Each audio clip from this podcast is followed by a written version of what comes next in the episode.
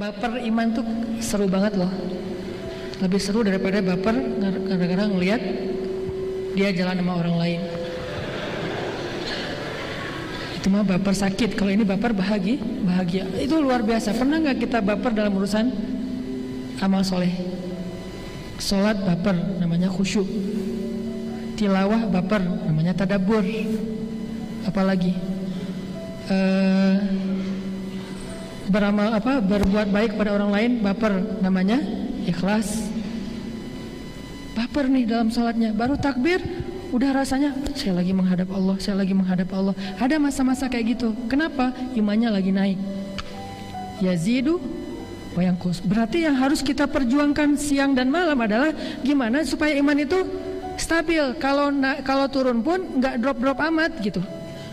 Mungkin dia tetap turun namanya manusia emosi kita aja kadang-kadang bahagia, kadang-kadang sedih misalnya. Turun, tapi turunnya itu nggak sampai ngedrop, turun sedikit naik, turun sedikit naik. Itu yang kita perjuangkan. Salah satunya dengan tajdidul iman, memperbaharui iman. Karena kalau iman kita udah mantap, satu ayat itu udah cukup buat kita. Kan ada di ayat Al-Quran yang Nabi bilang, seandainya di Al-Quran tidak ada ayat lain kecuali ayat ini, maka sudah cukup seolah-olah nggak ada ayat lain di Al-Quran cuma ayat itu doang. Udah cukup. Salah satu ayat itu adalah Al-Fatihah. Salah satu nama Al-Fatihah Al-Kafi cukup. Jadi seolah-olah kalau kita nggak baca Al-Baqarah sampai An-Nas cuma tahu Al-Quran itu Al-Fatihah doang. Kalau kita yakin Al-Fatihah udah cukup buat kita. Ada lagi ayat yang kayak gitu. Surat At-Tolak wa may yattaqillah yaj'al makhraja. Cukup ada lagi ayat yang lain termasuk ayat ini wal asr innal insana lafi. Ayat ini fa inna ma'al usri yusra. Banyak ayat yang sebetulnya satu aja udah cukup buat kita. Udah bisa membuat seseorang itu berubah hijrah, bertaubat seperti Umar bertaubat dengan pembukaan surat Toha. Apa rahasianya? Yakin. Sehingga kalau teman-teman mencari majelis ilmu, carilah dengan niat pengen mencas iman, mencas yakin, menambah keyakinan kepada Allah. Itu rahasia memudahkan kita dalam beramal soleh. Duduk dalam majelis ilmu. Ketika kita mendengarkan sesuatu, belajar. Ini saya harus yakin yang ini nih. Saya harus yakin. Cari poin yakinnya. Jangan cari poin wawasannya aja. Kalau ada gimmick, mungkin entertain, itu hanya membuat kita supaya nyaman doang. Tapi bukan itu intinya. Cari poin mana yakinnya, mana yakinnya, mana yakinnya. Makin banyak dapat poin yakin, maka kita mendapatkan banyak kebaikan dalam majelis itu. Namanya boleh apa aja, kayak misalnya saya menyebut istilah akidah, kalau beberapa ulama atau ustadz menyebutnya dengan istilah akidah yang terbagi kepada rububiyah, uluhiyah, asma, sifat. Itu kan teori akidah kan ya. Saya menyingkatnya dengan bahasa yang mungkin menurut saya sederhana, uh, keep the faith, menjaga i, iman atau belajar yakin, belajar belief sama Allah. Istilahnya boleh apa aja yang penting ketika kita mendengar satu ayat atau satu hadis terasanya tuh di hati, bukan cuma terasa di dalam pikiran, kerasa di hati kita. Gimana caranya biar bisa kayak gitu? Kalau udah bisa gitu, ringan banget ngamalin ayat Al-Quran. Ringan banget beramal soleh, termasuk fa'in nama al usri yusra jadi ringan. Gimana caranya teman-teman? Caranya yang pertama tadi tajdid, perbaharui. Gak bisa sekaligus kita mantap imannya, harus di terus dicas. Dan iman itu yang kus karena dosa-dosa. Kalau kita ngerasa hari-hari kita itu banyak dosa, berarti kita harus menebusnya dengan lebih banyak lagi tajdid, lebih banyak lagi memperbaharui iman. Salah satu cara memperbaharui iman duduk dalam majelis ilmu. Kayak gini nih. Ngapain sih sering-sering amat duduk dalam majelis ilmu? Sama kayak kita ber, mencari hiburan. Teman-teman memang dengar musik seminggu sekali. Tiap hari kan? Kita mungkin bagi yang senang musik setiap hari dengar musik. Kenapa? Setiap hari butuh hiburan. Berarti sama aja setiap hari juga butuh nambah iman. Berarti setiap hari juga dengar nasihat. Musik-musik yang yang halal, yang baik, yang mubah, kita setiap hari dengar. Kayak misalnya saya senang dengan musik-musik yang motivasi. Atau kalau di uh, Inggris itu ada political rapper, Loki. kan dia nge-rap tapi pesan-pesan kemanusiaan ya. Saya suka banget dengar loke berulang-ulang berulang-ulang. Kenapa? Karena kalau dengar itu jadi kayak ngecas spirit uh, kemanusiaan gitu. Wah jadi uh, sok-sok empati gitu, sok merasa wah ke, peduli kepada yang lain. Gara-gara terpancing oleh lirik-lirik lokenya misalnya. Kalau kita berhibur dengan musik aja setiap hari, nggak merasa ngapain sih dengan musik? Kan kemarin udah minggu depan lagi deh. Kan nggak ngomong ngomong gitu kan? Setiap hari berhibur setiap hari berhibur berangkat ke kantor ke kampus ke sekolah dengerin musik. Pulang dengerin musik kalau naik kendaraan e, roda empat misalnya atau bahkan pakai earphone. Kalau kayak gitu berarti mendengar nasihat juga sama. Kita butuh setiap hari.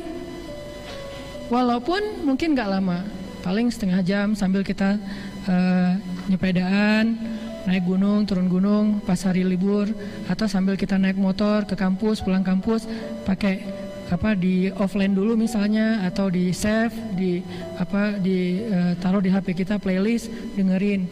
Dari kos-kosan ke kampus selesai satu tausiah Ustadz Abdul Somad lumayan kan dapat ilmu kalau Ustadz Abdul Somad mungkin lebih ke bab hukum ini boleh, yang ini nggak boleh. Wah saya tapi belum bisa ngamalin yang bolehnya, belum bisa ninggalin yang nggak bolehnya gimana nih? Dengar lagi booster-booster yang bisa buat kita semangat, iman, tajdid. Kayak gitu terus. Itulah kenapa para sahabat kok mudah mengamalkan karena iman mereka itu diperbaharui terus oleh Rasulullah. Kalau mereka duduk di samping Nabi, pasti Nabi ngomongin tentang kebesaran Allah. Allah itu, Allah itu. Ke mana-mana ngomongin tentang Allah akhirat, Allah akhirat. Emang Nabi nggak bosan? Justru supaya menjaga stamina iman sahabat, Nabi kayak gitu terus. Dijaga tuh sama Nabi. Jalan, ngelewat ada satu bangkai uh, apa bangkai onta saibah onta yang udah dipotong telinganya kalau dalam kepercayaan orang Arab jahiliyah onta yang udah dipotong telinganya itu artinya pembawa sial jangankan jadi bangkai masih hidup aja mereka nggak mau deket-deket sama onta kayak gitu nggak dikendarain, nggak diminum susunya, nggak dimakan dagingnya, saibah. Nah ternyata ada seekor saibah bukan cuma masih hidup, udah jadi bangkai, udah keluar belatung dari perutnya, udah bau. Sehingga ketika Nabi dan sahabat ngelewatin jalan itu ada bangkainya, mereka tutup uh, hidung. Terus Nabi bilang, ayo siapa yang pengen beli bangkai ini? Dibawa pulang ke rumah kata Nabi. Sahabat heran, terus sahabat nanya, ya Rasul, dikasih gratis juga kita nggak mau bangkai kayak gitu jangankan matinya udah jadi bangkai hidup juga kita nggak mau saibah soalnya apalagi udah mati apalagi disuruh beli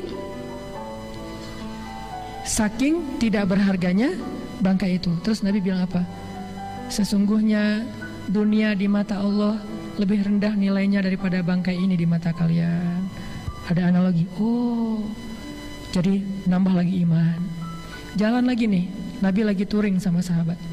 Touring. Makanya saya bilang banyak main, banyak manfaat. Nabi main sama sahabat touring jalan bareng-bareng. Satu kafilah gede lewatin padang pasir. Padang pasir itu kan kayak kita ke hutan belantara yang gak ada lampu, jadi e, langit kelihatan jelas terang gitu. Malam itu malam purnama, bulan purnamanya itu sempurna, gede bulannya, warnanya sempurna, tidak ada awan satupun, cerah bening. Sehingga para sahabat ketika sudah istirahat dari touring mereka istirahat dulu di sebuah uh, apa rest area. Lalu mereka tiduran di pasir. Jadi istirahatnya itu bukan cari tahu Sumedang ya. Istirahatnya tiduran di pasir. Tiduran di pasir semuanya pada hening. Nggak ada yang bicara sepatah kata pun. Semuanya pada tiduran. Ngapain? Ngelihat bulan. Tidur bayangin orang tidur jumlahnya ribuan. Tidur semuanya ngelihat bulan sambil istirahat. Tiba-tiba Nabi ngomong, Wahai sahabat-sahabat, apakah kalian suka melihat bulan itu? Kata mereka, suka-suka ya Rasulullah. Maka sesungguhnya seperti itulah penduduk surga melihat wajah Allah nanti di dalam surga. Nambah lagi iman. Dicas terus sama Nabi. Ketemu apa aja, Nabi menyampaikan satu nasihat yang bisa ngecas, nambah iman, nambah yakin, nambah dekat sama Allah. Nah, kayak ginilah kita dalam hidup harusnya. Kita cas keimanan kita biar yakin. Caranya salah satunya dengan mendengar nasihat. Kalau kita nggak bisa mendengar nasihat setiap hari lewat majelis ilmu, karena emang e, realitasnya kita punya banyak kesibukan lain. Nggak harus setiap hari ikut taklim. Tapi kan sekarang kita hidup di era multimedia yang luar biasa. Bisa dengar, bisa nonton, bisa di apa uh, baca banyak broadcast segala macam. Nah, ini semuanya untuk nambah iman. Tujuannya nambah iman. Kalau ada satu broadcast yang cuma nambah nafsu, gimana nambah nafsu? Nambah nafsu marah sama saudara kita sesama muslim karena saling menghujat, saling menyalahkan. Nah ini nggak usah dibaca, langsung delete aja. Kalau udah sering kayak gitu, mending left group aja deh. Karena kerjaannya debat aja, debat fikih. Yang satu kunut, yang satu nggak kunut, yang satu ini bid'ah, yang ini nggak bid'ah. Ah capek. Karena dua-duanya ternyata ada pendapat ulama. Yang ini ulama, yang ini ulama. Tinggal kita mana yang paling kita yakin ikutin. Yang kita ikutin juga ulama, bukan ikutin diri sendiri. Sendiri cari yang bisa nambah iman, bukan yang nambah emosi. Yang buat kita wah habis dapat broadcast langsung sholat dua rakaat. Broadcast tentang apa? Keutamaan dua rakaat duha. Habis dapat broadcast, langsung bertasbih. Broadcastnya apa? Ada dua kalimat yang mudah diucapkan, tetapi berat di timbangan dan Allah suka banget sama kalimat itu. Apa? Subhanallah wa bihamdi, subhanallahilazim. Kan ringan banget tuh. Kita baca nih, wah subhanallah wa bihamdi, subhanallahilazim. Enak kan? Diingatkan. Makanya teman-teman kalau kita nggak bisa pun lewat itu, kita punya teman-teman yang soleh yang saling mengingatkan. Sehingga Nabi mengatakan teman yang baik itu adalah teman yang bisa mengingatkan kita kepada Allah Subhanahu Wa Taala. Termasuk teman hidup yang baik itu adalah teman hidup yang bisa mengingatkan kita kepada Allah. Waj'alna lil muttaqina imama. Hening gini eh. Padahal saya baru bahas teman hidup loh belum ada harapan ya masih jauh ya udah deh bulan sabitnya hilalnya belum tampak jadi teman-teman tips pertama gimana caranya biar kita mudah mengamalkan ayat kayak gini? Fa inna ma'al usri yusra. Kita harus dinasehatkan oleh orang lain. Begitu kita ada masalah udah fa inna ma'al usri yusra kata teman kita. Makanya kenapa Salah satu yang didahulukan dalam mencari pasangan hidup adalah din, agama. Biar kalau kita lagi drop, lagi lemah, lagi labil, dia yang ngingetin kita. Mau cari rezeki nih, cari rezeki yang halal, susah. Ada tawaran, syubhat atau haram, tapi mudah. Mulai pulang ke rumah, mikir, diambil nggak ya, diambil nggak ya, uh, deal nggak ya, deal nggak ya, transaksi nggak ya, transaksi nggak ya, pakai cara itu nggak ya, mikir. Istri kita bilang, kan Allah yang ngasih rezeki. Jadi kalau kita tinggalkan itu nggak akan hilang rezeki kita karena sumbernya ada di Allah. Oh bener mah bener. Nah ini namanya nasihat nih. Kalau istri kita tidak paham tentang nasihat-nasihat kayak gini, justru dia yang nyuruh kita ambil. Pak, udah nggak usah terlalu uh, fanatik lah Pak, ambil aja. Kan gitu kan? ah, agama memang nggak mempersulit hidup uh, umatnya. Umat lagi istilahnya. Padahal harusnya agama tidak mempersulit hidup hamba Allah. Nah, artinya kita butuh seseorang yang menguatkan kita ketika kita lemah. Teman sahabat kita kalau misalnya kita lagi malas ke masjid eh azan tuh ya lu aja duluan. Gua ntar belakangan nyusul oh ya udah nggak apa-apa. Gua duluan ya. Kan yang duluan ke masjid duluan masuk surga kata dia. Oh gitu? Udah gua lari. Akhirnya lomba lari ke masjid. Nggak ada sih adegan kayak gitu. Ini mah contoh doang ya. Bisa aja kayak gitu. Terutama pas kita lagi ngedrop teman-teman. Pas kita lagi lemah dalam istilah ulama itu disebut futur. Ketika kita lagi drop teman kita yang ingetin kayak saya pernah cerita dulu lagi lemah uh, semangat imannya hampir uh, kebawa sama teman yang bisnis properti dengan cara-cara yang saya nggak yakin itu boleh apa enggak mulai galau ah kayaknya cara dia nih bagus juga nih bisa mempercepat aset jumlah aset. Pulang mikir gitu ngomong sama istri jangan-jangan kita terlalu idealis ya? Kayaknya fikirnya nggak gitu-gitu amat deh mulai cari-cari celah nih istri bilang nggak apa-apa kalau kita meninggalkan sesuatu karena Allah Allah ganti dengan yang lebih baik. Wah bener banget tuh mah. Mama emang diingatkan kan? Makanya butuh pengingat alarm yang membuat kita aware lagi aware lagi ketika kita lagi dalam keadaan lupa. Satu pengingat ngecas iman majelis ilmu nasihat. Yang kedua gimana supaya kita makin yakin dengan satu statement Allah dari Rasulullah sehingga mudah mengamalkan kita dengarkan cerita-cerita orang yang berhasil membuktikan ayat itu secara uh, nyata. Baik cerita itu ada di Al-Qur'an, ada di hadis atau dari teman kita sendiri. Kayak misalnya di Al-Qur'an Fa'in nama al usri yusro ada cerita Yusuf, baca cerita Yusuf. Atau baca cerita Siti Hajar. Ini lebih luar biasa lagi nih. Gak nyangka bahwa ternyata di dalam kesulitan yang Allah ujikan kepada Siti Hajar, Allah sediakan kemudahan yang luar biasa. Sampai sekarang kemudahan itu masih ada. Zam-zam. Gimana kesulitannya? Sulit banget. Dan coba bayangkan itu dengan ilustrasi sejarah, jangan dengan ilustrasi sekarang.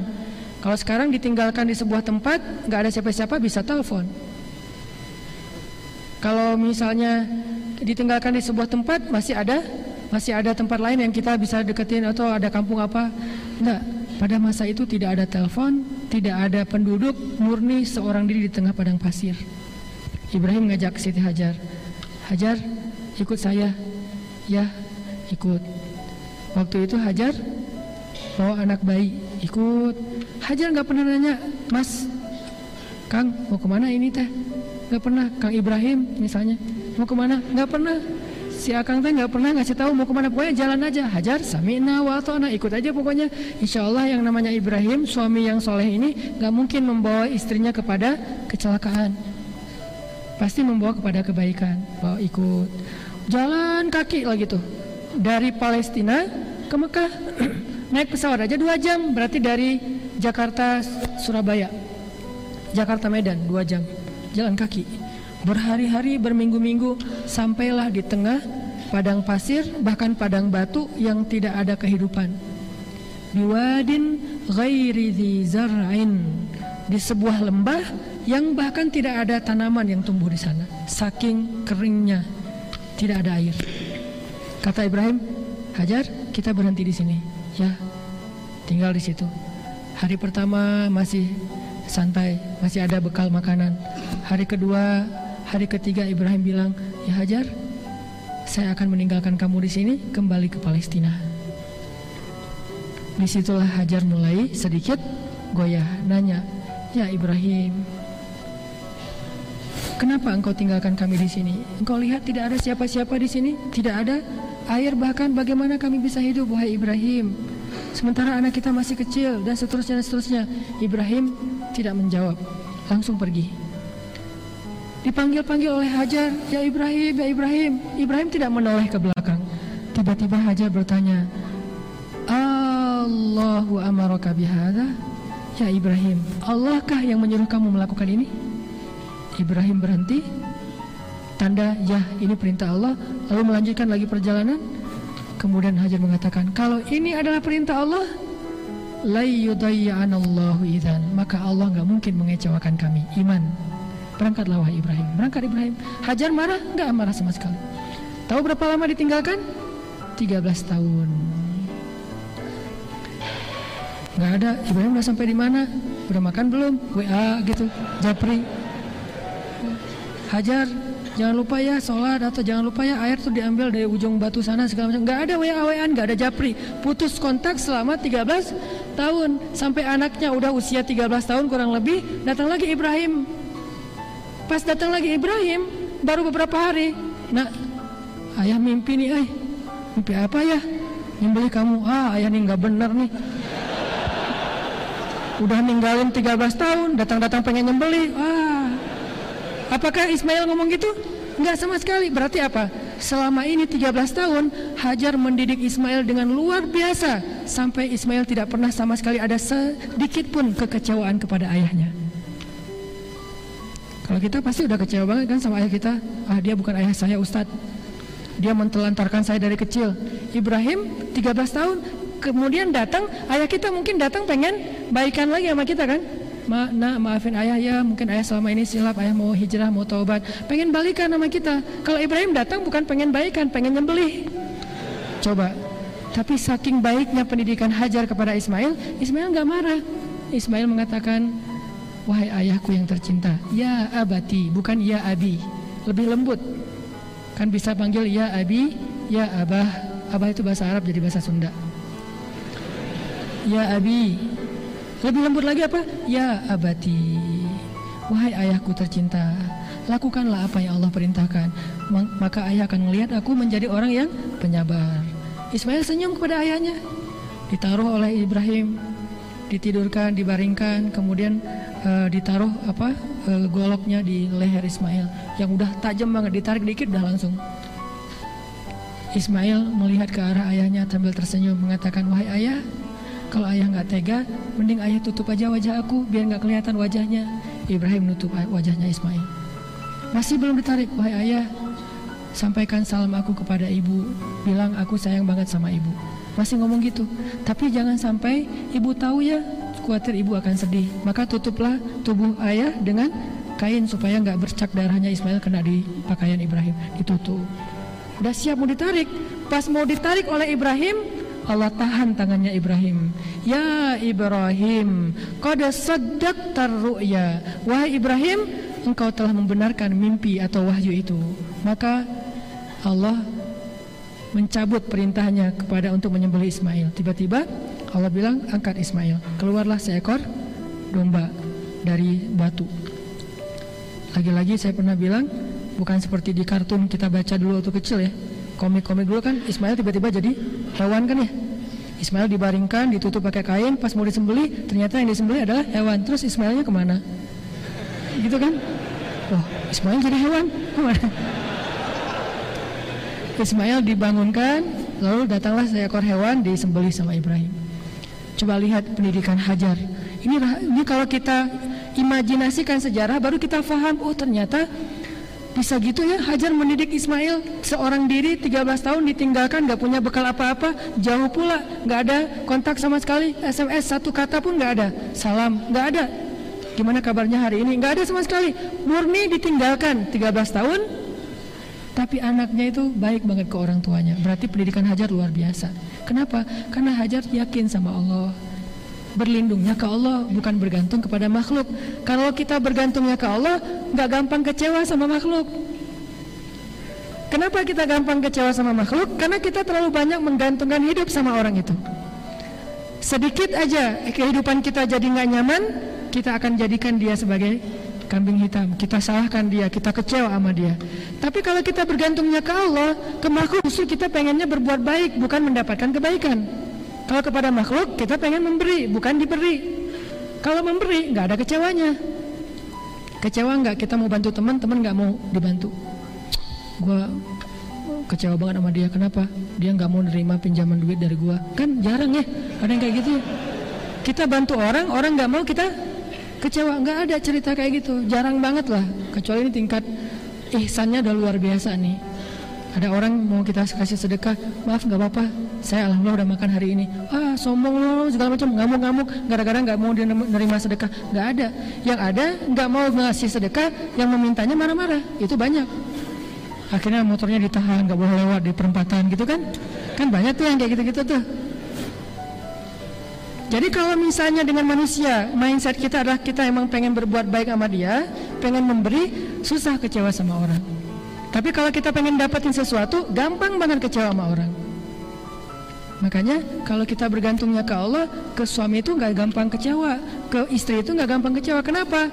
Kita gantungnya ke Allah, tapi pengen berbuat baiknya kepada manusia ke istri, ke suami cuma mikirin hari ini saya harus buat baik apa ya kepada pasangan saya. Hari ini kok saya senyumnya baru beberapa kali doang. Hari ini peluknya udah 20 detik belum? Kan minimal 20 detik sehari. Minimal ya. Rata-rata sih satu jam lah kurang lebih. Jadi nggak ke mana-mana ya, meluk aja ya jadinya nggak benar juga sih. Minimal 20 detik. Kita tanya hari ini saya udah uh, bantu dia belum ya? Hari ini saya udah maafin dia belum ya? Hari ini apa yang bisa kita kasih kepada orang itu? Emang nggak gampang sih. Makanya kita belajar nih belajar memperbaharui. Dari hal-hal kecil dulu deh dan dari orang-orang terdekat dulu karena mereka lebih berhak dapat kebaikan kita. Ibu. Kalau kita bergantung kepada ibu kita akan gampang kecewa sama ibu kita. Tapi kalau kita niatnya emang pengen bir pengen berbuat baik kepada ibu gimana kita akan kecewa? Orang kita pengen berbuat baik kepada ibu kita mak dipijat ya? Enggak enggak mama enggak capek. Ya udah uh, aku ambilin air uh, hangat ya. Enggak enggak barusan minum. Apalagi cari terus apa yang bisa kita lakukan untuk ibu kita. Gimana mau kecewa? Tapi kalau kita berharap ibu kita harus gini harus gini harus gini gampang banget tuh kecewanya. Dan itulah hajar. Simbol dari tauhid. Hajar bergantung kepada Allah tapi pengen berbakti kepada suami makanya ketika ada masalah ketidaknyamanan sedikit. Karena suami dia nggak gampang kecewa sama suaminya. Karena itu perintah Allah. Allahu amaraka bihada Allah kayak nyuruh kamu melakukan ini wahai Ibrahim? Ya ya sudah. La yudayyanallahu idan kalau gitu Allah nggak akan ngecewain kami. Tinggal. Eh, ternyata Allah kasih ujian penutup. Kan tadi saya katakan makin sulit berarti makin dekat dengan pertolongan. Apa kesulitan terakhir? Nggak punya air, lari-lari antara dua bukit, Sofa dan Marwah. Anaknya nangis-nangis, takut kehabisan dehidrasi, kehabisan air, akhirnya meninggal. Wah, panik nih, makin panik. Saking paniknya, coba bayangin saking paniknya Hajar mondar mandir di bukit yang sama. Itu menunjukkan dia panik banget tuh. Kalau udah tahu nggak ada air, ngapain ke situ lagi kan ya? Tapi kenapa tujuh kali di situ aja kesaking paniknya melihat anaknya udah menjerit-jerit dan kasihan sampai udah lama nangis suara nangisnya itu udah hampir nggak kedengaran. Berarti udah mau dekat dengan pertolongan.